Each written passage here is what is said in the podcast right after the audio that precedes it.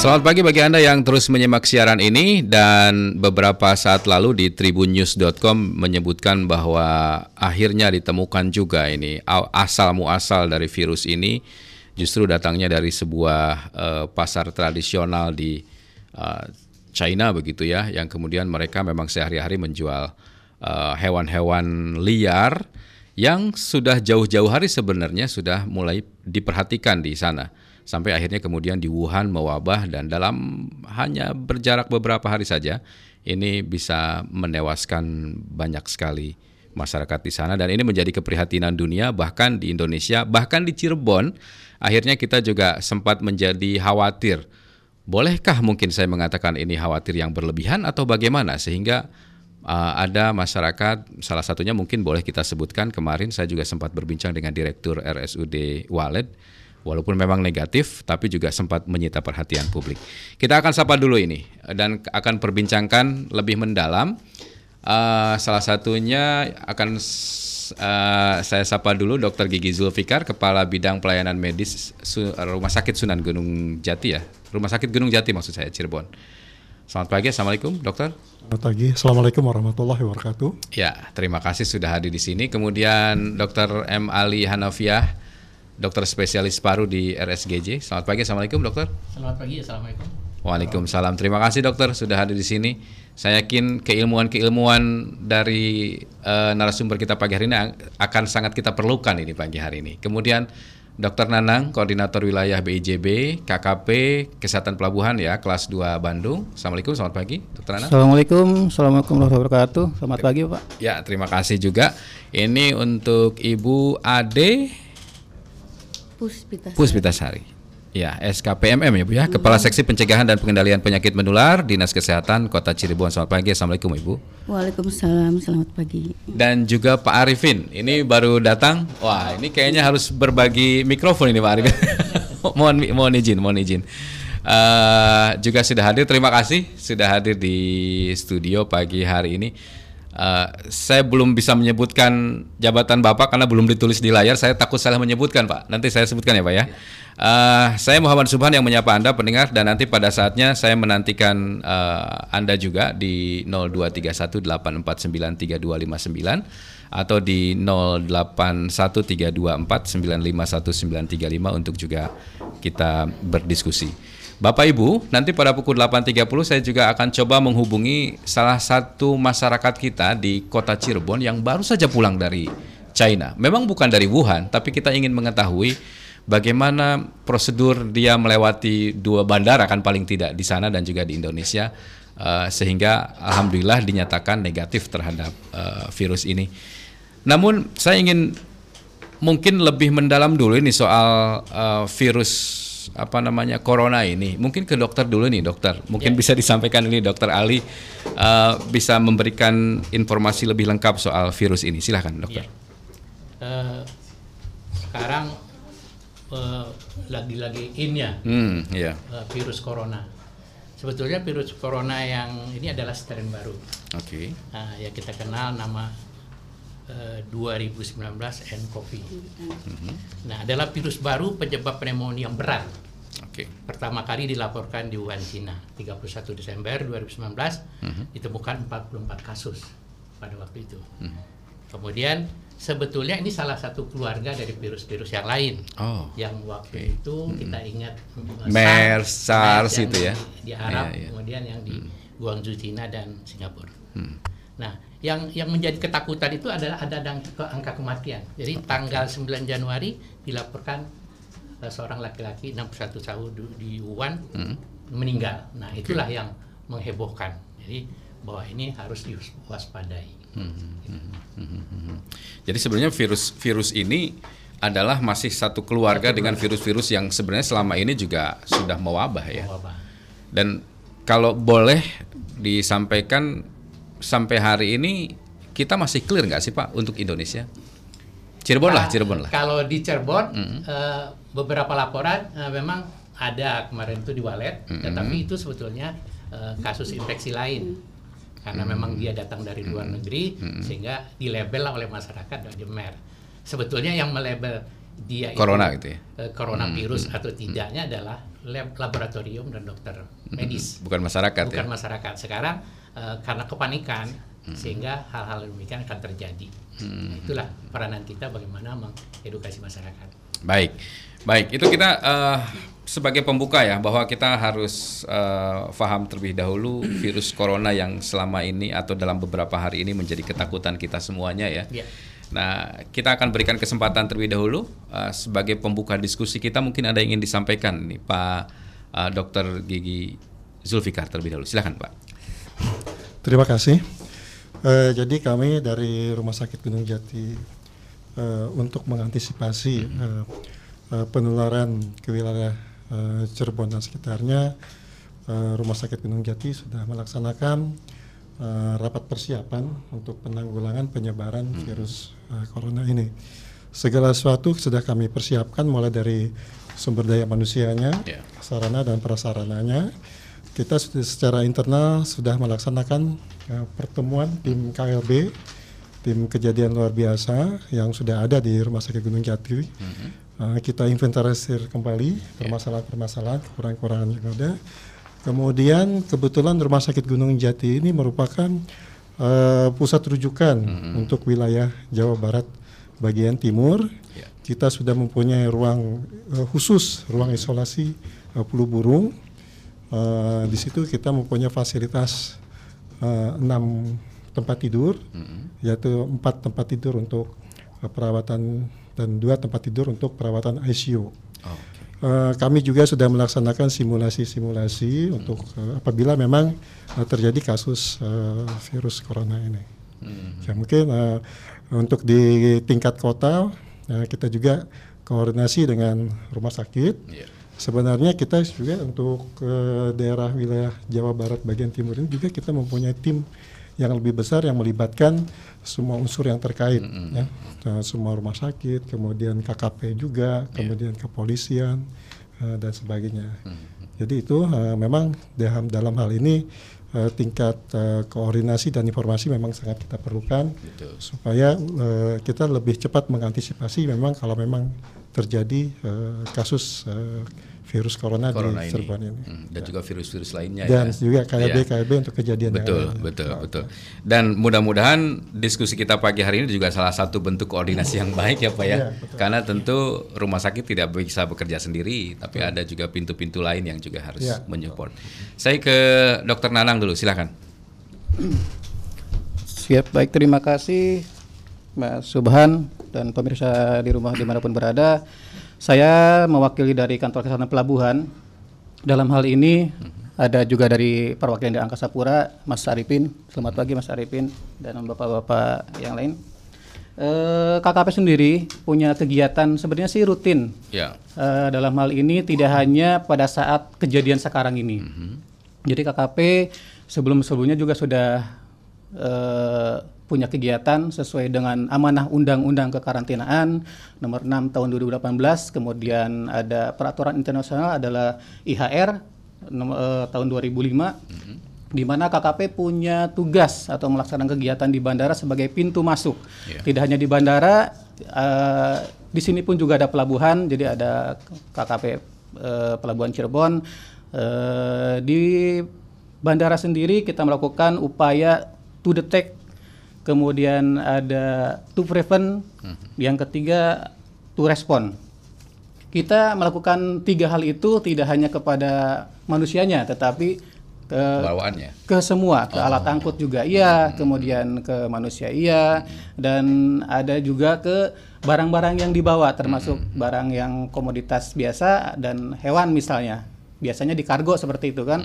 Nah kemudian kalau untuk alat angkut sendiri, kita biasanya kalau misalnya ada eh, kedeteksi atau kita ada kecurigaan, kita biasanya melakukan pemeriksaan apakah ada vektor yang dibawa Iya. misal ada tikus atau kecoa atau dan lain-lainnya. Nah untuk manusia sendiri kita pemeriksaan yang sekarang lagi heboh mungkin Pak thermal scanner ya. Ya. Kita Oh, alhamdulillah ya iya. Udah ada. Di, udah ada. Di Bandara Kertajati Berarti kita sudah mulai sudah dipasang di sana ya, sudah dipasang, sudah terpasang. Kita sudah punya dua alat thermal scanner, ditambah lagi dengan beberapa mungkin termometer infrared yang kalau misalkan ada terdeteksi dengan thermal scanner kita cek ulang dengan termo apa eh, termometer infrared, seperti itu. Nah. Eh, sementara di kita di KKP ini di bandara terutama kita hanya melaksanakan yang apa namanya early detection, kemudian ada yang namanya emergency response dan yang ketiga referral. Nah ini yang menjadi eh, tugas kita di bandara. Salah satunya kalau misalkan early detection, kalau misalkan ada eh, apa namanya si penumpang yang lewat atau yang eh, si krunya yang lewat ada terdeteksi thermal scanner, kita observasi. Nah kebetulan sekali di Bandara Kertajati ini tidak ada penerbangan langsung dari Langsung China. dari Wuhan, Iya, dari China Wuhan gitu tidak ya. ada. Jadi yang selama ini untuk internasional paling adanya dari eh, Arab Saudi. Jeddah. Hari ini ada kedatangan dari Arab Saudi dari Jeddah eh, umroh dan memang kita ketahui kalau umroh sendiri sudah lama sekali ada Hmm, betul, Merscope betul. ya Middle Ya, East betul. ya ini kita lakukan. Tapi eh, untuk domestik sendiri kita ada mungkin kekhawatiran. Ada peningkat kekhawatiran. Akhirnya kita periksa juga. Eh, ada penerbangan dari BTH kemarin ya.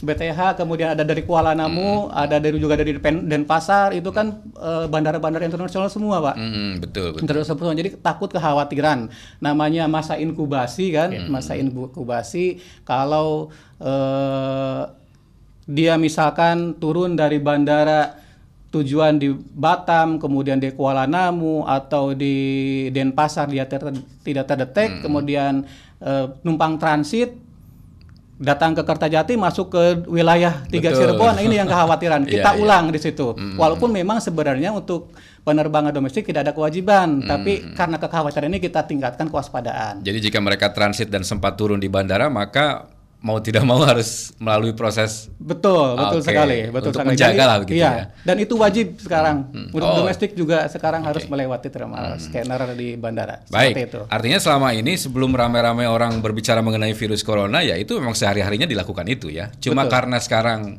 sedang mewabah, mungkin lebih ditingkatkan Betul, artinya. ya. betul. Baik, saya langsung dulu ke Pak Arifin, ini manajer operasi Bandara Kertajati Majalengka. Ini baru ada tulisannya Pak, mohon maaf. Silakan Pak Arifin. Terima kasih Bapak Ibu sekalian.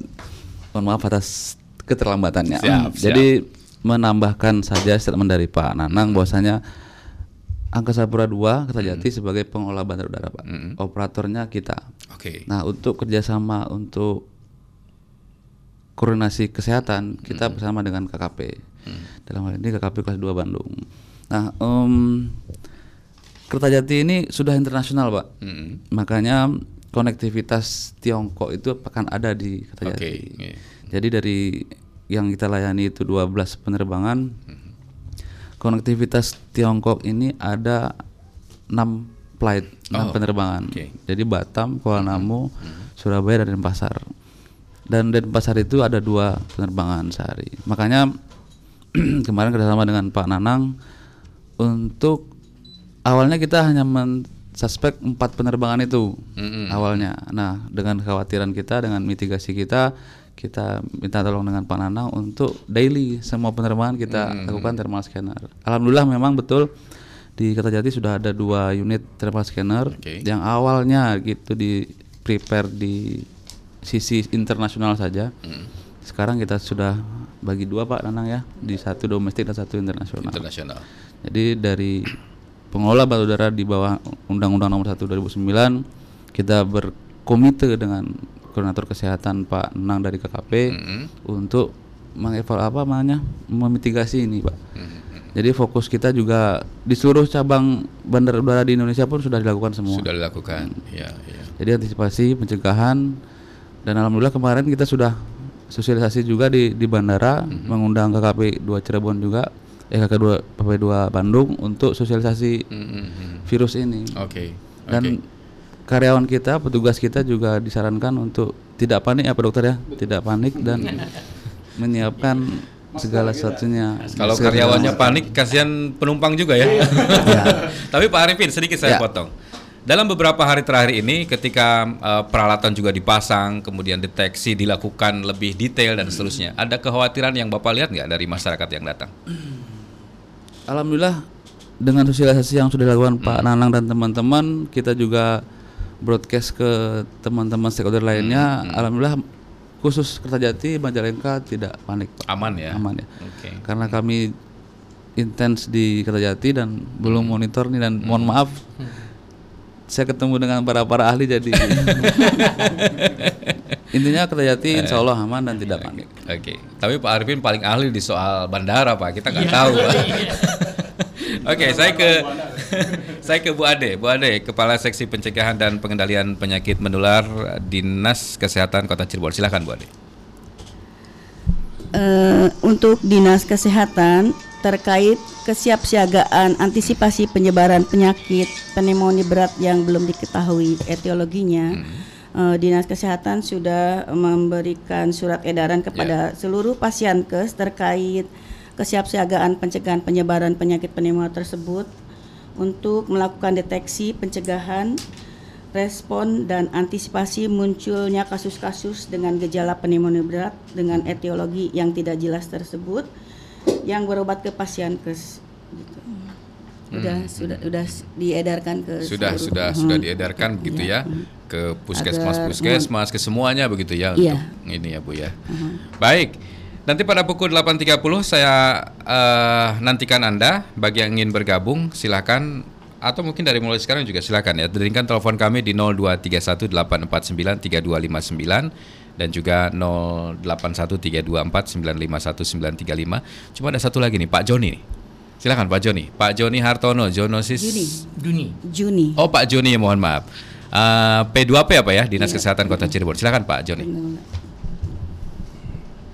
Baik, terima kasih. Eh, perkenalkan saya Juni Hartono. Eh, saya pemegang program zoonosis Mm-mm. di Dinas Kesehatan. Jadi di masyarakat sini tidak perlu khawatir. Ya. Eh, teman-teman di pelayanan kesehatan ini sudah aktivasi semua, terutama dari pihak bandara juga. Jadi kalau seandainya ada pun suspek seperti yang tadi dokter jelaskan, laporkan aja ke kami di dinas ataupun di puskesmas. Nanti akan kita tindak lanjuti seperti itu. Baik. Tapi untuk saat ini eh, tidak masyarakat tidak perlu khawatir untuk eh, adanya rumor seperti itu tapi Baik. kita sudah memberikan keamanan semua dari pihak bandara seperti itu Hmm, Dan- Oke, Terima baik. Tidak ada yang perlu dikhawatirkan Pak Juni ya, betul. Dan juga bapak-bapak. Seperti saya hari ini duduk di sini bersama para ahli, saya nggak khawatir tuh, karena saya mendapatkan informasi yang lebih lengkap soal virus corona kan. Nggak nggak nggak setiap kita kemudian tiba-tiba flu jadi ketakutan corona kan gitu. Nah. Saya kembali ke para dokter dulu deh kalau gitu, Iya. Pak Dokter Ali dan juga Pak Zulfikar mungkin nanti bisa bergantian.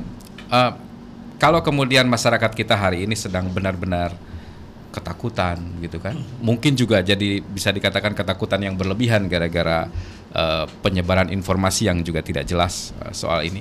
Khusus bagi Cirebon sendiri masyarakat kita pak apa yang harus mereka perhatikan sehingga eh, kita benar-benar bisa terhindar dari virus ini pak?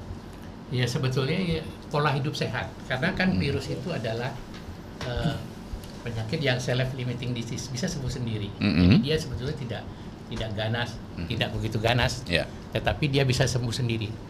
Eh, jadi tergantung. artinya termasuk corona juga bisa begitu corona kayak begitu. oh Jadi kalau daya tahan tubuhnya turun, Mm-mm. nah itulah akan menyebabkan terjadinya penyakit.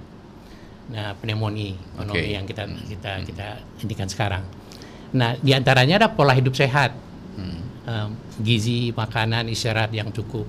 Yang paling penting adalah cuci tangan, karena cuci tangan itu faktor penyebaran infeksi. Oke Nah, kemudian kalau batuk, apa pun batuknya, nah itu pakai masker.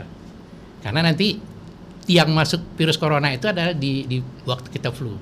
Nah, itu pintu masuknya. Hmm. Nah, cuci tangan, hidup sehat, kemudian eh, eh, istirahat yang cukup. oke Nah, kemudian hindari kontak atau kerumunan orang banyak pada saat sekarang. Kita tidak tahu, Hmm. Terutama di bandara, di mana, di mall. tapi kita berkerumun aman kan pak Nah, eh, yang paling penting kata kuncinya adalah kontak. oh iya iya betul kontak betul daerah betul. wabah. Jadi kalau misalnya eh, di daerah misalnya di di, di pelabuhan. Mhm. Di pelabuhan itu kan lalu lintas orang luar negeri yang yang ke Betul, kita gitu. betul, banyak ya. Nah, tetapi alhamdulillahnya sekarang eh, memang eh, eh, pemerintah Cina memang mengisolasi dari dari dan ke sudah ketutup. Mm-mm. Jadi ketutup kontaknya udah nggak ada. Iya, iya. Nah dengan kontak sudah nggak ada, nah berarti kita akan nyaman. Artinya secara teori seharusnya penyebaran ini bisa tidak ada berhenti. lagi, tidak berhenti. Iya kan? Karena tidak ada orang yang bisa keluar masuk ke China. kan? China, ya. Nah kemudian eh, tapi kita bisa eh, menular oleh plus lain, misalnya influenza. Oke. Tapi itu yang yang menjadi ketakutan bagi masyarakat masyarakat yang dihubungkan dengan dengan corona ini. Jadi itulah daya tahan tubuh, masker, cuci tangan. Hmm, hmm. Itulah kata kuncinya di situ. Oke, oke, baik, baik, baik, betul. Itu kata kuncinya ya. Cuci tangan, jangan bers- eh, apa namanya kontak langsung dengan orang yang terindikasi dan seterusnya. Saya masih ke Dr. Julfikar, Pak. eh, karena dalam beberapa hari ini tentu kita tahu bersama masyarakat semua sedang heboh soal ini, Pak. Maka ada tadi sih antisipasinya sudah disebutkan sih, sudah menyiapkan ruangan dan seterusnya. Tapi paling tidak supaya hal ini tidak membuat masyarakat makin gaduh begitu Pak. Kita kan juga harus memastikan itu ya Pak ya. Uh, RSGJ sendiri bagaimana Pak? Sudah melakukan apa saja Pak? Ya. Eh, tadi seperti apa yang disampaikan oleh eh, Dr. Ali, ya memang eh, kita harus lebih meningkatkan perilaku hidup bersih dan sehat, ya, terutama individu dan keluarga. Eh, dan memang eh, kami di tim di Rumah Sakit Gunung Jati eh, memang eh, sudah mempersiapkan apabila memang hal ini terjadi, kita sudah melaksanakan simulasi. Oke. Kita sudah persiapkan semua sarana prasarana, kemudian petugas-petugas di rumah sakit juga eh, kita eh, haruskan untuk memakai masker, alat pelindung diri yang lain untuk menghindarkan ya, memang kalau memang eh, tanpa sengaja ada kontak-kontak langsung. ya.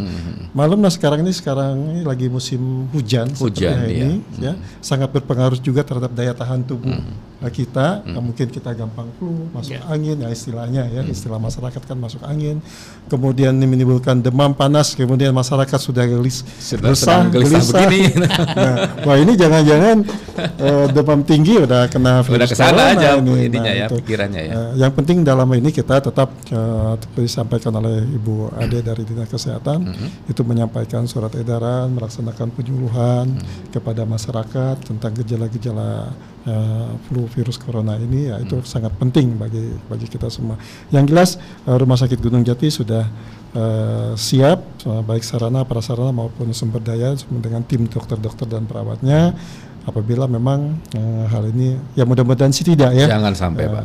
apabila memang ini terjadi di ke Cirebon dan sekitarnya. Mhm. Artinya jangan sampai kejadian ada ada positif virus corona. Namun jika terjadi memang ada, Ya. kita sudah siap. Siap. Kan intinya begitu ya Pak ya. Ya. Betul. Tapi sejauh ini Pak, eh, dalam dua atau tiga hari terakhir ini ada penanganan khusus nggak? Khusus untuk mereka yang datang dengan keluhan flu misalnya, batuk dan seterusnya. Ya, kita masih pemeriksaan pemeriksaan biasa. aja. Biasa aja, rutin saja ya. Iya, masih. Nggak ada yang spesial Iya. mereka langsung di. Tetap dalam dalam biasanya di kita dalam anamnesa pasien Hmm. penyakit itu kita lihat eh, mereka beberapa hari ke belakang berada di mana apakah pernah keluar negeri atau Oke. keluar dan sebagainya. Apakah ada kontak dengan orang asing dan sebagainya. Itu memang eh, sudah standar dalam eh, pemeriksaan kesehatan. Baik, saya ke Dokter Nanang dan juga mungkin ke Pak Arifin. Bagi mereka yang mungkin sehari-hari pulang pergi ke luar negeri, Pak, atau dengan konektivitas yang sangat tinggi lah dari negara ini ke negara ini ke negara ini dan seterusnya baru masuk ke Indonesia ke ke Majalengka dan seterusnya. Ada ada pemeriksaan khusus nggak sih, Pak? Kalau untuk keberangkatan kita tidak melakukan pemeriksaan Pak. Ketika berangkat Ketika ya. berangkat, Oke, ya. hmm. Kita hanya kemudian pada saat kepulangan. Ya itu tadi kita pasang thermal scanner, kemudian kalau memang terdeteksi kita anamnesa, kemudian kita kalau memang betul ada mengarah ya kita karantina ke karantina. Jadi kita hanya sifatnya hanya karantina sementara. Hmm. Baru nanti kalau memang sudah eh, ada kecurigaan, secara baik kecurigaan ke arah corona ataupun yang lain kita melakukan rujukan. Oke. Kalau eh, arahnya ke corona, kita langsung rujukannya ke RSUD Gunung Jati, Gunung Jati. ya sesuai dengan Kepmenkes nomor 414 ya, memang sebagai rujukan eh, avian influenza kita rujuk ke sana. Tapi kalau memang hanya yang sekiranya biasa-biasa saja, batuk pilek, tidak ada kontak misalkan, kemudian datangnya juga bukan dari daerah terjangkit, kita rujuk ke rumah sakit rumah sakit terdekat. Oke. Di Bandara Kertajati kita punya rumah sakit terdekat yang di Cideres, kemudian ada RSUD Gunung Jati, eh, RSUD Majalengka, kemudian ada juga yang swastanya di Sumber Waras sama di Mitra Plumbon. Seperti Oke, itu. oke, Ya, oke. ataupun memang sesuai dengan keinginan si penumpang mau ke mana dia dirujuk. Oh. Gitu. Dan semua yang datang dari luar negeri kita berikan hard alert card namanya. Eh, kartu kewaspadaan. Jadi kalau misalkan eh, ada keluhan 14 hari setelah itu atau kurang dari 14 hari mohon dituliskan di HAC itu namanya kemudian dibawa ke pasienkes yang dituju sama eh, si pasien Mhm. seperti itu karena kekhawatiran namanya masa inkubasi 14 hari Ya, misalkan dari eh, daerah terjangkit itu belum ada apa-apa di Mhm. kita juga belum terdeteksi tiba-tiba sudah dua minggu kemudian atau 10 hari kemudian baru ada keluhan Ya. batuk pilek Mhm. ada sakit tenggorokan nah ini eh, kita pa- patokannya ke HAC seperti betul, itu Betul, betul, betul. Sebenarnya kalau di bandara sendiri ada ada ini nggak sih Pak? Mungkin Pak Arifin ya, eh, ada ada kewajiban misalnya menunjukkan bahwa seseorang ini akan flight keluar terutama ya, itu misalnya menunjukkan eh, buku dia pernah diimunisasi dan seterusnya. Kayak kemarin saya baru keluar itu, memang saya diwajibkan untuk imunisasi dulu kan waktu mau keluar. Nah itu ada kewajiban nggak Pak untuk masyarakat sipil? Atau Pak Nana mungkin bisa dijawab? ada beberapa negara yang memang wajibkan Oh. contoh ke yang sudah mandatori Mhm. itu di Mekah ke Mekah ke Arab Saudi Itu ya wajib ya? wajib Ah. vaksinnya meningitis tapi Ya. tidak semua negara itu Oh. Eh, vaksinnya meningitis ada beberapa daya, beberapa, beberapa negara yang mewajibkan eh, vaksinnya berbeda-beda ada kemarin sempat kita polio ya polio Mhm. nah Ya, ini ya. ke Malaysia juga ada kewajiban vaksin polio tapi tidak semua yang ke Malaysia itu vaksin polio, Polio. jadi ada di di lebih spesifik lagi mereka yang akan tinggal selama empat minggu atau lebih di Malaysia itu diwajibkan harus vaksin polio. Kalau cuma sehari atau dua hari Ya, kita tidak periksa. usah ya. Ya, kemudian ada juga yang ke beberapa negara lain ada yang memang terjangkit yellow fever segala macam itu harus di eh, apa Vaksin dulu harus di sininya vaksin ya. dulu dan menunjukkan surat ICP Internal Sertifikat Vaksinasi. Oke, Iya. baik, baik. Nah, ini Bapak Ibu di ujung telepon sudah terhubung. Seperti tadi saya sampaikan bahwa ada seseorang yang semalam baru saja eh, datang lagi ke Indonesia. eh, yang bersangkutan ini baru pulang dari China. Kita akan sapa dulu dan nanti mungkin Bapak Ibu yang juga ingin bertanya kepada eh, Tia namanya, mungkin juga saya persilahkan. Selamat pagi Mbak Tia. Selamat pagi. Ya, suara saya jelas ya? Jelas, jelas Baik, sekali. Mbak Tia jadi tepatnya baru semalam betul ya datang lagi ke Indonesia Iya, ya? iya. Mm-mm. Itu kalau di Cinanya di mana tepatnya? Di Liuzhou. Di Liuzhou. Mm-mm. Mbak Tia di sana sekolah, kuliah? Eh, kuliah. Oke. Mbak Tia, saya ingin punya gambaran karena masyarakat kita sekarang lagi heboh-hebohnya ya, lagi semua sedang membicarakan soal corona. Walaupun bukan di Wuhan, tapi apa yang bisa Tia gambarkan soal China? Di tempat saya yang tempatin itu di Liuzhou. Hmm. eh, itu di tempat saya masih aman-aman aja. Mm-mm.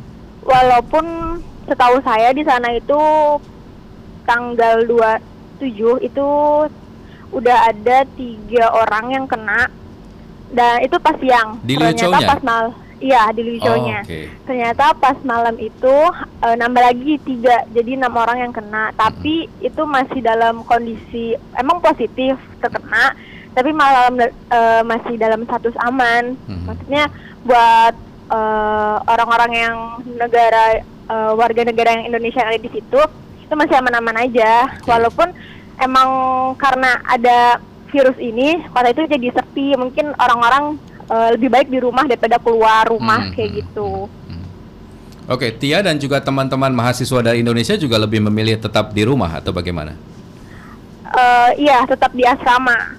Mhm. Karena eh, biar tidak terkena juga, terus waspada juga. Tapi kita eh, jika ada bahan makanan yang habis, kita otomatis mau nggak mau harus keluar Harus rumah, keluar. cuman buat beli, ya, buat Hmm. beli bahan makanan.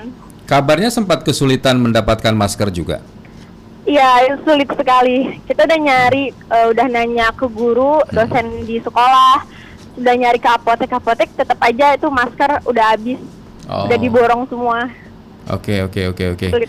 Ya, saya ingin tahu em, seberapa kepedulian dari otoritas di sana di China kepada masyarakat-masyarakat yang terutama dari Indonesia atau dari negara-negara lain soal ini. eh dari Lausunya sendiri itu waktu tapi itu waktu pas saya udah pulang ke sini ya Hmm. ada beberapa teman saya masih ada di sana itu udah bisa mendapatkan masker eh, dari apoteknya Oke. jadi eh, masker ya udah udah, udah bisa dapat Hmm, hmm, hmm, hmm, hmm. Jadi su- mereka sudah bisa mendapatkan masker di sana ya. iya Baik, ada kabar terakhir yang mungkin sempat Tia dengar pagi ini dari teman-teman yang masih di sana? Tidak ada sih Aman ya? mungkin aman sih soalnya belum eh, dari grup sekolah juga aman-aman aja belum ada kabar Hmm. apa-apa lagi Oke, karena sedang mewabah, ada pemeriksaan lebih lanjut nggak sih ketika Tia akan keluar dari China kemudian masuk di bandara di Indonesia dan seterusnya? Pemeriksaannya seperti apa? pemeriksaannya lebih ketat sih Mm-mm. Eh, biasanya yang cuma diperiksa sekali dua kali ini tiga kali pemeriksaan jadi eh, pas kita masuk itu masuk bandara di awalan itu kita dicek panas di dicek kepanasan itu berapa Itu yang di bandara mana tuh? di bandara Guangzhou Di Guangzhou-nya. Oke, Iya. ya. Mm-mm. Pas udah kayak gitu eh, di imigrasi juga sama. Mm-mm. Terus kita dikasih lembaran kesehatan gitu dari sananya. Mm-mm. Kita ngisi, terus nanti pas di imigrasi kita kasih eh, kalau emang bener-bener kita tidak terkena virus atau tidak kenapa-napa itu pasti bisa lolos Oke. pas nyampe di Indonesia bandara Indonesia itu di Jakarta cuman dicek kesehatan panas aja udah Mm-mm. nggak ada cek-cek apa lagi Oh gitu ya. Dan dinyatakan lolos ya. Iya dan Ya. di pesawat juga dikasih kartu kewaspadaan kesehatan itu jadi kita ngisi buat dikasih ke keamanan yang di sana Oh gitu. Di di di dalam pesawat sempat juga diberikan itu ya. iya di Oke. dalam pesawat diberikan itu Mhm, mhm. Oke, Tia terima kasih ya. Selamat datang ke Iya. Indonesia kembali untuk berlibur Iya, kabarnya. iya makasih baik, baik, baik. Jadi belum ada kepastian bisa berangkat lagi ke China. Belum belum ada kepastian Menunggu wabah ini mereda mungkin ya. Iya, mungkin Oke. nunggu reda baru balik lagi. Mhm. Baik, terima kasih Tia ya, Pak Dokter atau yang Iya. lainnya ada yang mungkin ingin ditanyakan ke Tia? Cukup? Eh, Tia, Eh, dok, saya Dokter Ali, Dokter Paru di Cirebon. Eh, bagaimana himbauan terhadap eh, orang-orang atau mahasiswa kita di situ di, di dari negara Cina terhadap mengantisipasi eh, ada enam kasus yang di daerah anda itu. Oke. Halo Tia. Iya, Ya, tadi sudah didengarkan suara Pak Dokter Ali? eh, suaranya kecil sekali bisa diulang. Eh, jadi Dengan- dengan merebaknya kasus kemarin itu kan memang kita eh, kehabisan masker gitu. Apa himbauan himbauan dari dari negara tempat anda tinggal terhadap mahasiswa-mahasiswa yang eh, kadang-kadang dan Pak harus perlu keluar gitu. Mhm. Jadi apa yang mereka tekankan terhadap mengantisipasi pencegahan virus yang akan menular eh, human to human ini secara kontak langsung. Himbauannya tetap harus memakai masker. Iya. Jika ada kenapa-napa dari Liu Chou, eh, warga Liu Chou yang warga Liu Chou-nya, yang anak-anak Indonesia itu bisa hubungin ke KBRI-nya langsung, Oke. biar nanti KBRI-nya itu yang menanganinya. Oh, oke, hampir sama berarti ya, Hampir Dokter sama, ya dengan sama. di Indonesia Iya. himbauannya memakai masker. Ini Dokter Nanang, ada yang ingin ditanyakan, Dokter? Eh, Mbak Tia, Mbak Tia kemarin ini di Iya. mana? Eh, landing di mana pas masuk ke Indonesia? Di Bandaranya di Soekarno Hatta atau di mana? Iya, di Soekarno Soekarno Hatta? Oh, Soekarno Hatta. Oke. Oh ya Iya. baik. Eh, ada pemberian kartu HAC nggak? Warna kuning, heart alert, heart alert card namanya. Dibawa ke rumah. Eh, oh iya, Ada. Oh Yang iya. kewaspadaan Oh iya, terima ya, kasih. Baik, baik. kesehatan. kesehatan. Iya, iya, betul betul. Iya. Oh iya. Iya. Ya itu Oke. aja mungkin. Terima kasih. Terima kasih Mbak Iya. Tia ya. Mbak Tia bisa saya telepon, berarti Mbak Tia kondisinya sehat kalau gitu ya, bisa lolos di Iya. bandara. Iya. Baik. Saya boleh nanya ke dokter? Oh, silakan, silakan, boleh. Iya, eh, itu kalau misalkan udah lolos di bandara, lolos kesehatannya, Hmm. apakah saya perlu cek ke rumah sakit atau check up rumah sakit atau Ah, ini gimana? betul betul betul. Hmm. Ya sebetulnya eh, yang paling penting itu adalah eh, kalau waktu kita keluar itu belum belum belum ter- ma- dalam masa inkubasi, jadi belum ada gejala Iya. yang timbul gitu. Jadi eh, limitnya itu adalah 14 hari. Oke. Kalau lewat dari 14 hari tidak ada gejala ya berarti kita aman. Aman. Tetapi Oke. kalau di bawah itu kita ada gejala flu, nah itu kita harus antisipasi. Oke. Datang ke paskes terdekat, nah itu nanti kita kita kita sidik eh, apakah ini flu biasa, apakah memang ada dari kontaminasi di sana gitu. Oke. Oke oke. Baik. Ya. Mbak Tia, terima kasih ya. Iya, sama Ya, terima kasih. Selamat pagi Mbak Tia. Ya, selamat pagi. Nah, ini em, sepertinya masyarakat di sana ya sudah tenang lah kalau Tenang, begitu kita ya. sudah tahu ya kondisinya seperti apa dan mahasiswa di sana sudah mulai bisa menggunakan masker lagi yang sudah disediakan. Dan kita masih punya beberapa menit. Nanti kita akan lanjutkan ya Pak ya. Ya. Dan Ibu nanti kita akan lanjutkan lagi diskusinya. Tetaplah bersama kami di Pro 1 RRI.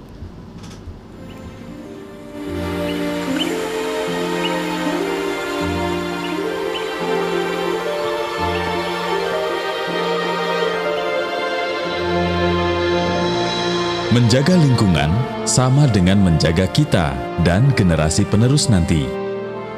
Kita memerlukan pohon, kita memerlukan air bersih, kita juga memerlukan makanan yang higienis dan terjamin sumbernya secara alami. Dengan kita menjaga lingkungan saat ini, maka telah mewariskan kehidupan buat generasi penerus nanti. Memberikan udara yang segar, air yang bersih, dan sumber makanan yang sehat. Menyayangi dan menjaga lingkungan adalah menyayangi dan menjaga kehidupan kita. Pesan ini disampaikan oleh Radio Republik Indonesia.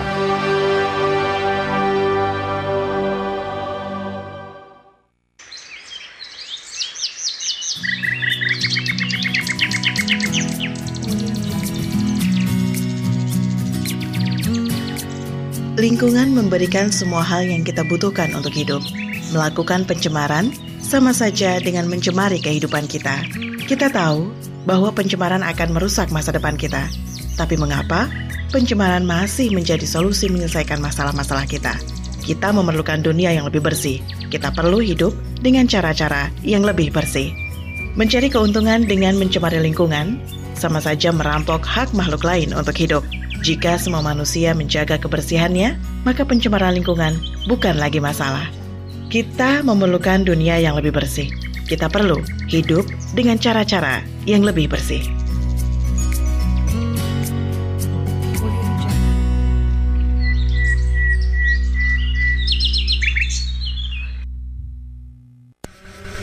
Channel ini bisa didengarkan dengan kualitas audio lebih baik. Download aplikasi RRI Playgo di smartphone.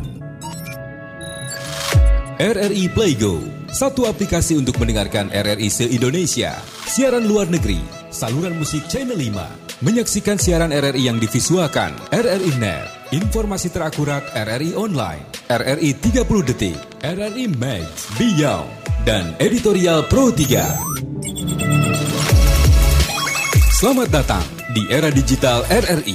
Kini, mendengar, menonton, dan membaca berita cukup di satu aplikasi.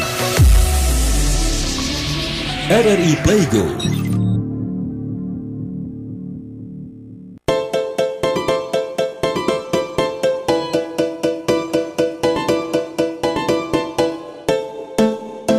Kuku merupakan salah satu bagian tubuh yang sering terlihat.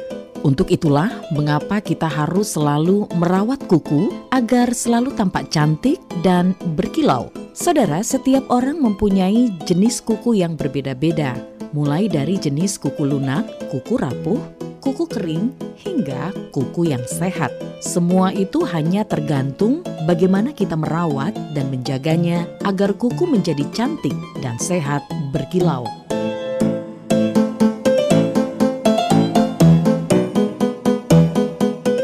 Menjaga kesehatan kuku adalah bagian terpenting yang harus dilakukan oleh setiap orang, khususnya bagi perempuan. Kuku merupakan salah satu bagian tubuh yang sangat sensitif dengan memiliki kuku yang indah bagi para perempuan merupakan anugerah dan menjadi daya tarik tersendiri bagi mereka. Umumnya banyak di antara kita tidak tahu bagaimana cara menjaga kesehatan kuku agar mendapatkan keindahan dari kuku itu sendiri. Kita harus mengetahui bahwasannya kesehatan kuku juga perlu dijaga dengan baik. Karena kuku menjadi indikator kesehatan tubuh. Kuku yang tidak sehat menunjukkan asupan nutrisi pada tubuh buruk. Dalam kesehatan, bahwa tubuh tidak hanya membutuhkan karbohidrat dan protein saja, tetapi juga mikronutrien seperti vitamin dan mineral. Dalam hal ini, tubuh sering kali mengalami kekurangan vitamin D yang berpengaruh pada tampilan kuku menjadi kusam. Bahan kimia merupakan bahan yang dapat membuat kuku menjadi rusak dan kering. Menggunting kuku juga merupakan perawatan yang dominan dalam menjaga kesehatan kuku kita. Disarankan agar kita dapat menggunting kuku secara teratur. Sebagai perawatan lainnya, kita dapat menggunakan gunting manicure dan amplas kuku. Saudara, ingat bahwa kesehatan kuku sangatlah perlu untuk diperhatikan karena kuku merupakan bagian tubuh yang sangat tampak. Dengan menjaga kesehatan kuku, berarti pula kita menjaga kesehatan hidup kita.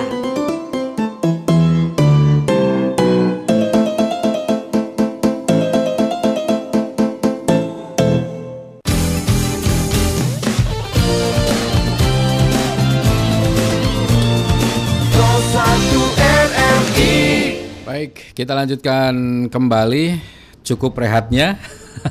Masih ada beberapa menit ke depan hingga mendekati pukul 9 pagi. Tapi saya ingin ke Dinas Kesehatan dulu walaupun tadi mungkin uh, lokusnya bukan di Kota Cirebon tapi apa yang ingin disampaikan uh, mungkin Pak Juni dan juga Bu Ade soal uh, informasi dari Mbak Tia tadi. Silakan. Oh, ada telepon dulu mungkin ya? Boleh ya kita angkat dulu. Ya, dari Pak Musa di Pilang. Halo, selamat pagi Pak Musa. Selamat pagi, Bung Ya, Tupan. ya, terima kasih sudah menunggu Pak Musa. Silahkan. Iya, iya, iya. Ingin ditanyakan, penyakit ini sepertinya mirip-mirip dengan flu burung. Mm-mm. Seperti eh, batuk, demam tinggi. Ya. Dan, dan saya eh, terus terang hawa- eh, merasa khawatir sekali dengan penyakit ini. Karena penyebarannya begitu cepat dan penyakit ini juga digolongkan penyakit yang mematikan. Di samping, di samping ini eh, bisa menularkan dari manusia ke manusia, apakah bisa ditularkan du- eh, juga dari hewan ke hewan? Terima kasih. Oke, hewan Assalamualaikum. tuh hewan ya. Baik, terima kasih Pak Musa. Saya ke Pak Juni dan juga Bu Ade dulu soal tadi Mbak Tia. Mungkin apakah memang seseorang yang baru pulang dari luar negeri dan di di negaranya itu terindikasi ada penyakit sedang mewabah, itu harus tetap dalam perhatian dinas kesehatan setempat atau bagaimana sih? Silahkan. Eh, eh, kita sudah apa eh, membuat eh, surat edaran ke Pasienkes yang ada di Kota Cirebon eh, untuk mewaspadai kewaspadaan dini ya, terutama pada orang-orang yang yang setelah dari luar negeri ya terutama ya China itu. Karena eh, itu kan sekarang lagi booming boomingnya Ya. jadi mereka yang Mbak Tia tadi itu, Mm-mm. Mbak Tia berarti masuk kategori pengawasan selama Oh. 14 hari itu petugas kesehatan eh, puskesmas terdekatnya itu akan memantau Oke. dia selama 14 hari tersebut. Hmm, tetap harus dipantau Iya ya. harus dipantau. Em, kalau Karena misalnya masuk Mbak Tianya mas- tidak paham soal itu, dinas kesehatannya yang bisa mendatangi Iya, atau bagaimana? iya. Oh, Kayak tadi kan oke. saya eh, kepengen tahu ini dari mana kota Betul, Cirebon betul, berarti nanti langsung gitu ya. eh, apa kan kita ada jejaring Mm-mm, komunitasnya mm-mm, gitu ya. Ini ada pasien dari yang orang yang baru pulang dari Betul, betul. luar negeri. Alamatnya di mana langsung jemput bola itu. Oke, baik. Terima kasih Ibu informasinya. Mungkin ini ada yang harus dijawab ini beberapa WhatsApp. Selamat pagi Dok, apa yang harus dilakukan masyarakat kota dan Kabupaten Cirebon apalagi konon di Walet ada yang diisolasi. Apakah artinya kita kalau ke mall, ke pasar, ke rumah sakit harus pakai masker? Semua masker aman atau tidak? Dan apakah pengguna masker kita ini benar pemasangannya? Jadi was-was nih Dok. ini dari Mas Anto di Siliwangi. Silahkan, mungkin dokter yang jawab nih. Ya. Sebetulnya eh, kita ke mall boleh. Mhm. Cuma cuma kita harus tahu ke mall itu nanti eh, kerumunan orang banyak yang Oke. mungkin ada terinfeksi virus. Mm-mm. Tidak aja eh, virus corona, tetapi virus influenza, jadi Ya. infeksi yang lain. Eh, dengan pemasker-masker itu akan aman Hmm. eh, untuk jumlah kuman yang masuk karena dia tergantung daya tubuh. Kalau virusnya sedikit, Hmm. eh, maka itu tidak akan mengenai kita. Gitu. Oh, Oke. Nah, kemudian kebiasaan kebiasaan yang me- mengkontaminasi terinfeksi ke saluran napas itu adalah tangan yang kotor. Mhm. Nah, tangan yang kotor itu, nah itulah secara kontak langsung memasukkan ke mukosa hidung, Oh, oke. kemudian mata, mulut. Betul gitu, nah, ya. dia lewat situ. Jadi kalau membudayakan pemakaian masker pada tempat ramai atau menghindari orang yang batuk, Hmm. itu akan lebih aman. Apalagi kita sering-sering cuci tangan. Oke. Nah, karena cuci tangan itu kita paling dekat.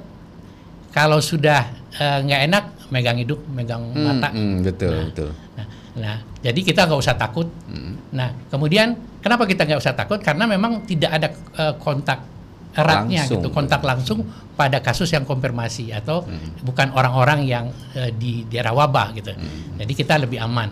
Jadi kalau di mall-mall yang biasa ya kita sebetulnya lebih aman cuma menghindari dari infeksi yang lain. Hmm. Kalaupun terjadi infeksi lain kita khawatir, datang aja ke Paskes.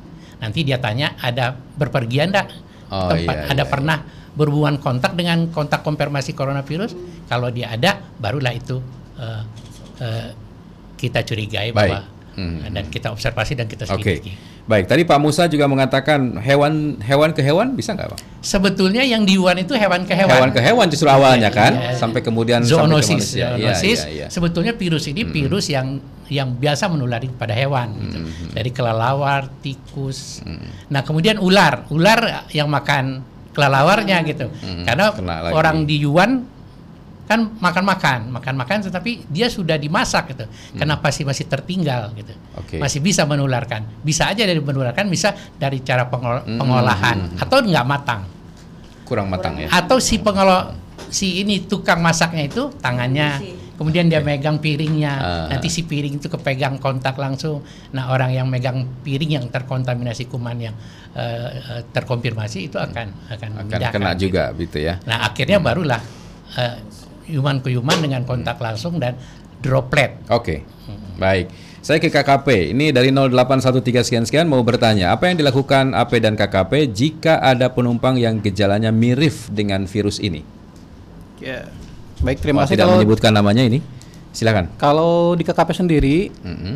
tadi eh, dari awal sudah saya sampaikan ya Oke. untuk early detection kita seperti biasa anamnesa dulu. Mhm. Kalau misalkan memang ada eh, dari daerah terjangkit, kemudian dia punya riwayat demam dan eh, seperti gejala-gejala yang memang corona, Mhm. ya kita langsung rujuk referral. Oke. Referralnya mungkin bisa langsung ke Gunung Jati. Mhm. Tapi kalau di luar itu, kalau hanya dia batuk pilek biasa, kemudian hanya eh, ispa biasa, kita rujuknya ke rumah sakit terdekat dulu baik. dengan Mhm. eh, pemantauan Mhm. gitu. Dengan pemantauan karena kita sudah ada eh, panduannya ya Pak Mhm. untuk tahun ini apa untuk coronavirus ini udah ada panduannya. Mhm. Kemarin baru terbit ini tanggal Ya. 28 Januari Mhm. baru terbit banget dari Kementerian Kementerian Kesehatan. Kesehatan. Itu dia ada, ada tiga. Jadi Hmm. memang ada pasien yang eh, apa namanya pasien dengan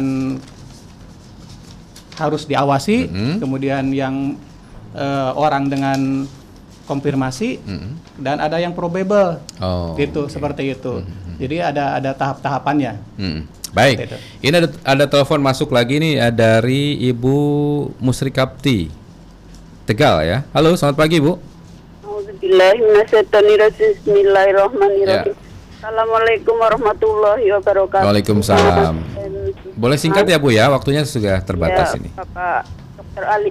Ya. Ini Pak, kenapa itu virus dinamakan virus corona? Kemudian dalam dunia kedokteran itu apa namanya ya penyakit yang disebabkan virus corona itu apakah merupakan penyakit yang asing? Artinya apakah itu hanya eh, terjadi atau dari Cina aja atau sebetulnya setiap manusia punya potensi untuk penyakit ini. Kemudian ini mohon maaf sebentar Mas Subhan. Ini mengingatkan saya mohon maaf sekali lagi kepada apa namanya Bapak Sutopo Purwo Nugroho almarhum. Soalnya kan kalau dari Indonesianya sehat, terus selama riwayat riwayat kesehatannya juga kayaknya setahu saya sehat-sehat aja. Tapi baik. tahu-tahu kan beliau meninggal di sana Ya. gitu. Terima kasih, mohon Baik, terima maaf. kasih ya. Assalamualaikum warahmatullahi wabarakatuh. Waalaikumsalam. Ini dari Tegal pendengar kami Pak Bu Musri Kapti. Mungkin bisa dijawab, Dokter? Ya. Sebetulnya sih vi- virus corona itu kan eh, eh, suatu kelompok keluarga dari virus SARS dan MERS gitu ya. Eh, sebetulnya eh, kalau kita tilik bahwa eh, dibanding virus SARS lebih mem- mematikan virus SARS gitu. Nah, tetapi ini sebetulnya virus ini pada umumnya di di binatang gitu. Biasa tertular pada binatang tikus, kemudian kucing, kelelawar, burung gitu.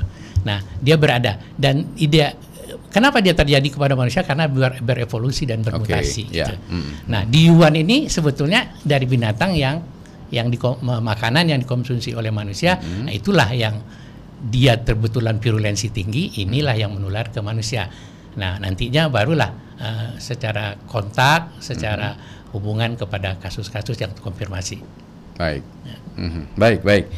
Ini ada satu WhatsApp lagi. Namun sebelum ke WhatsApp ini, saya mungkin ingin ke eh, apa namanya ke Bandara Kertajati dulu nih Pak Arifin. Sedikit saja Pak Arifin. Setelah rame-rame ada eh, penyebaran virus corona dan tadi KKP juga sudah melakukan banyak hal begitu. Mungkin salah satunya misalnya apakah disediakan ruangan-ruangan khusus begitu dari Angkasa Pura khusus di sana sehingga ketika ada yang dicurigai bisa langsung ditangani atau bagaimana sih Pak? Ya, makasih, Mbak.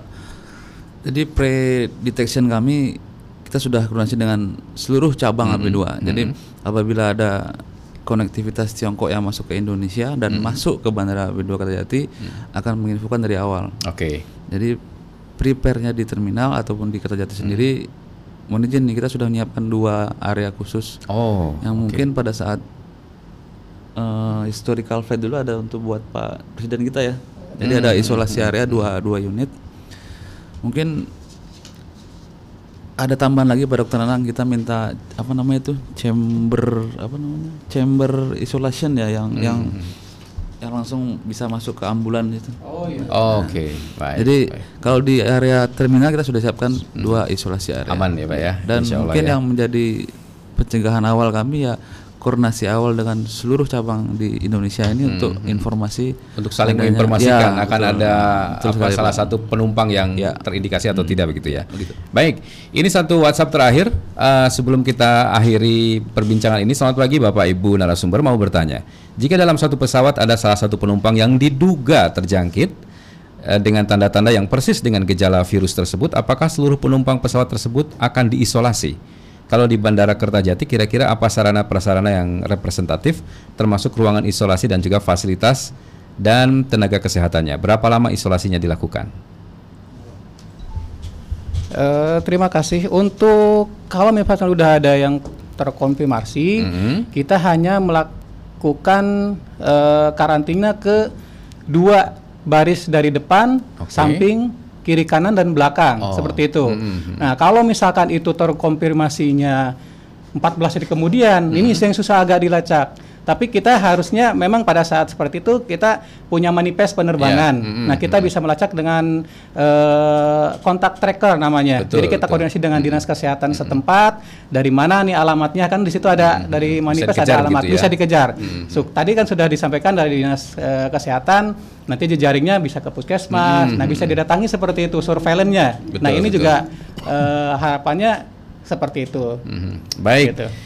Sayang sekali ini waktu kita sudah habis. Mohon maaf mungkin ada pendengar yang tidak sempat saya bacakan WhatsApp-nya, tapi di sisa waktu yang sedikit ini saya akan berikan kesempatan masing-masing satu menit saja Pak untuk closing statement, baik itu isinya himbauan atau apa pun yang mungkin ingin Bapak Ibu sampaikan. Dari Pak Dokter dulu silakan. Ya, kami dari jajaran pelayan Rumah Sakit Gunung Jati eh, sudah siap sedia, sudah mempersiapkan segala satunya untuk mengantisipasi eh, kejadian luar biasa untuk virus corona ini. Oke. Itu saja. Baik, terima kasih. Eh, Dokter Ali silakan. Yang paling penting adalah pencegahan, menjaga kebersihan tangan, cuci Mhm. tangan, etika batuk, Oke. kemudian tutup mulut, kemudian em, kalau bila ada memiliki gejala eh, infeksi saluran napas ataupun flu, gunakan masker, hindari berpergian ke daerah wabah Baik. dan ke daerah infeksi, makanan yang bergizi, istirahat yang cukup. Baik, terima kasih. Dokter Nanang? Pak Presiden sama Pak Kemenkes bilang don't be panic. Jadi jangan panik Jangan katanya. panik. Jangan Ya, panik. Oke, Ya, gitu baik. aja mungkin. Terima kasih. Pak Arifin, silakan Pak Arifin. Terima kasih infonya para ahli. Kita sesuaikan di lapangan. Makasih. Siap. Terima kasih Ibu Ade. Silakan Bu Ade. Eh, intinya sama dengan Dokter Aldi, PHBS, perilaku hidup bersih dan sehat.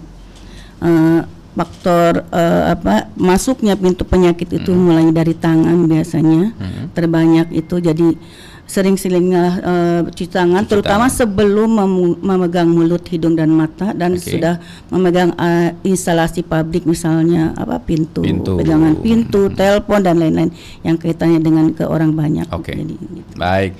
Bu Ade terima kasih. Pak Juni silahkan. Eh, hanya satu saja tidak usah khawatir eh, Mhm. kami siap untuk segala satu kondisi Baik, Dinas Kesehatan selalu siap melayani begitu ya. Terima kasih Bapak Ibu sudah hadir di studio. Perbincangan ini mungkin terlalu singkat tapi mudah-mudahan juga bermakna untuk pendengar kami di seluruh Ciayu Majakuning dan pendengar terima kasih juga sudah menyimak acara ini. Saya Muhammad Subhan undur diri. Selamat pagi.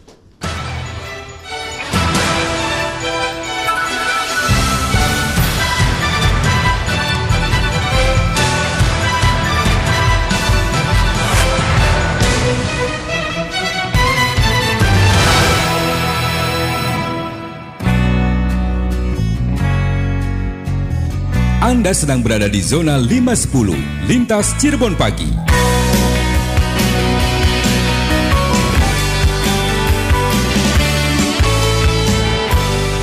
Pro 1, kanal inspirasi.